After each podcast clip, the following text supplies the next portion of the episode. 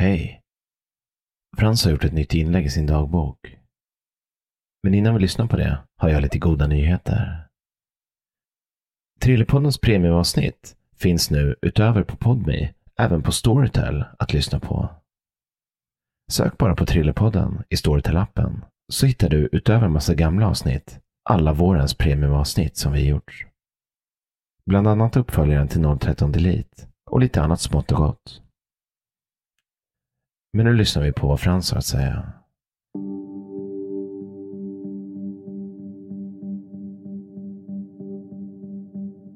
Jag är rädd.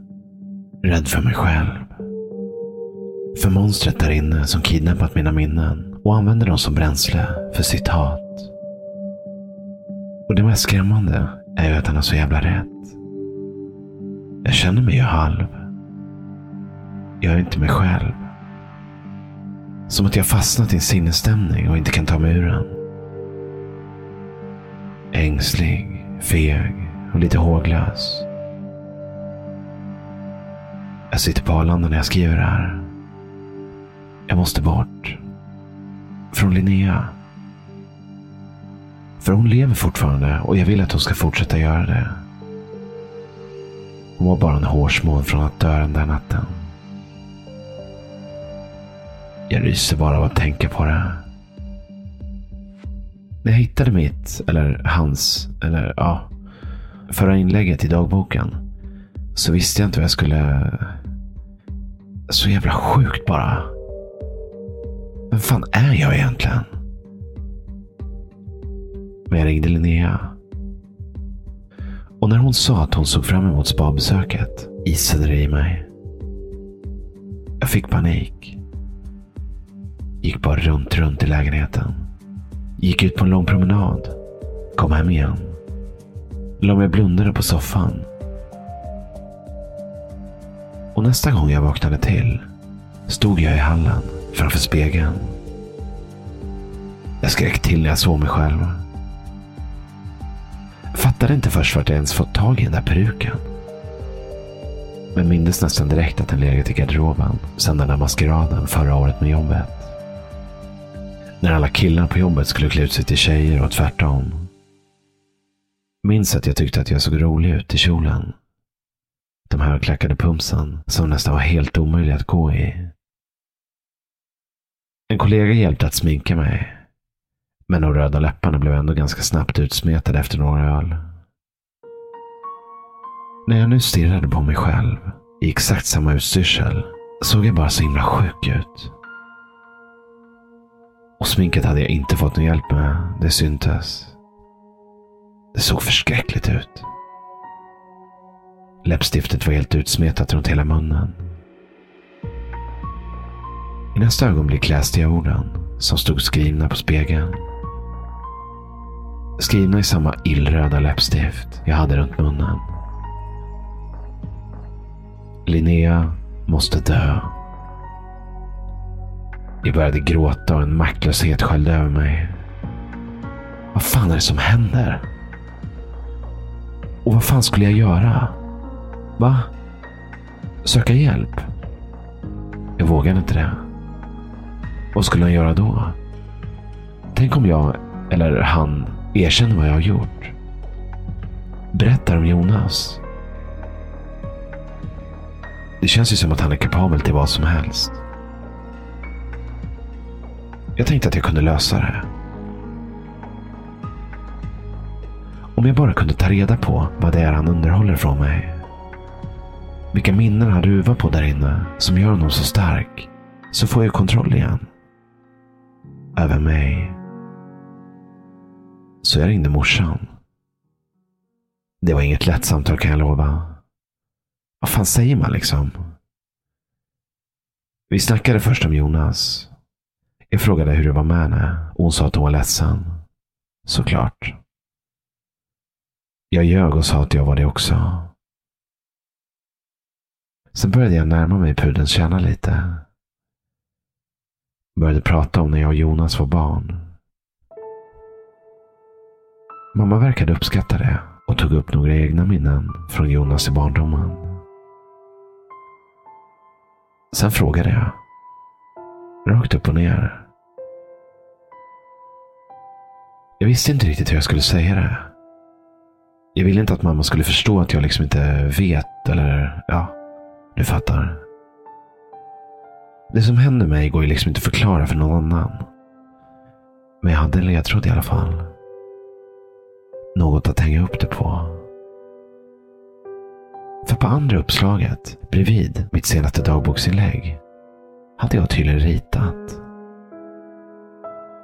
Och jag kände igen vad det skulle föreställa. Vår lekstuga. På teckningen satt ett stort hänglås på dörren, men jag kan inte minnas att det fanns något lås i verkligheten. Det som kom ut ur min mun i samtalet med mamma var i alla fall, du vet det där som hände när jag var sex? Med Jonas och lekstugan och det. Jag tänkte att det skulle räcka. För att hon skulle förstå vad jag menade. Och för att hon skulle kunna berätta för mig.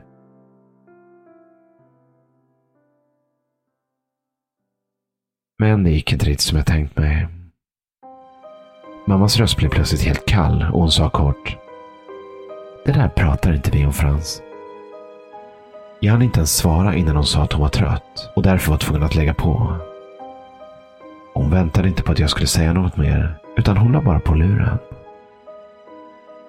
Jävla morsan. Ingen hjälp där direkt. Dagarna gick och inget mer konstigt hände.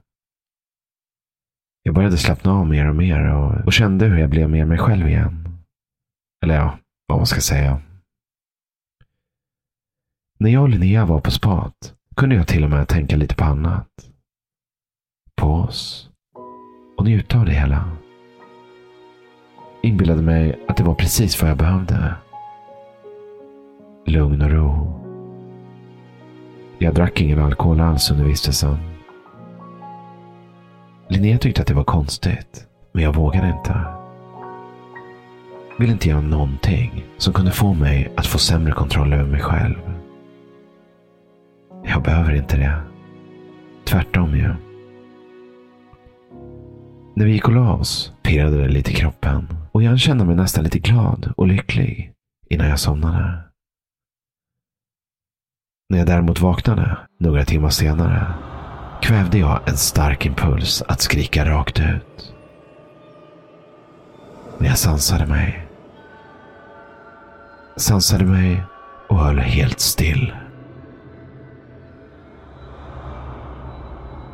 Linnea fick under inga omständigheter vakna. Jag är förvånad över hur snabbt jag fattade det. Hon låg på mage och jag stod över henne. Och på något sjukt sätt hade jag lyckats ta tag i hennes hår och lyfta upp hennes huvud en bit från kudden utan att hon vaknat. Måste vara ölen hon druckit under dagen som gjorde det. Det hann ju bli ganska många.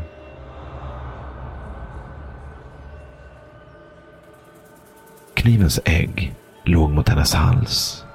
Jag höll den hårt i handen, men lättade direkt på trycket när jag blev medveten om vad jag bara var några sekunder från att göra. Skära halsen av henne. Jag hyperventilerade medan jag, så försiktigt jag kunde, la ner hennes huvud mot kudden igen. Hon andades tungt och visade inga tecken på att vakna. När jag några sekunder senare vred upp huvudet och mötte mina egna ögon i den avlånga spegeln på väggen ovanför sängen såg jag hur vettskrämd jag såg ut. Helt förstörd. I det kalla skenet från månen som letade sig in i rummet tyckte jag att han glimtade till långt där inne. Undrar om han gjorde det medvetet. Som att han leker med mig. Att han ville att jag skulle vakna till just då. I ögonblicket när han skulle dö. Vill han att jag skulle göra det? Det är kanske bara jag som kan göra det. Hur eller hur? Linnea måste ut ur mitt liv. Just nu tittar jag på avgångarna på tavlan framför mig. Vet inte vad jag ska. Ingen aning faktiskt. Jag måste vara bort. Det är det enda sättet att skydda Linnea. Vi hörs. Frans.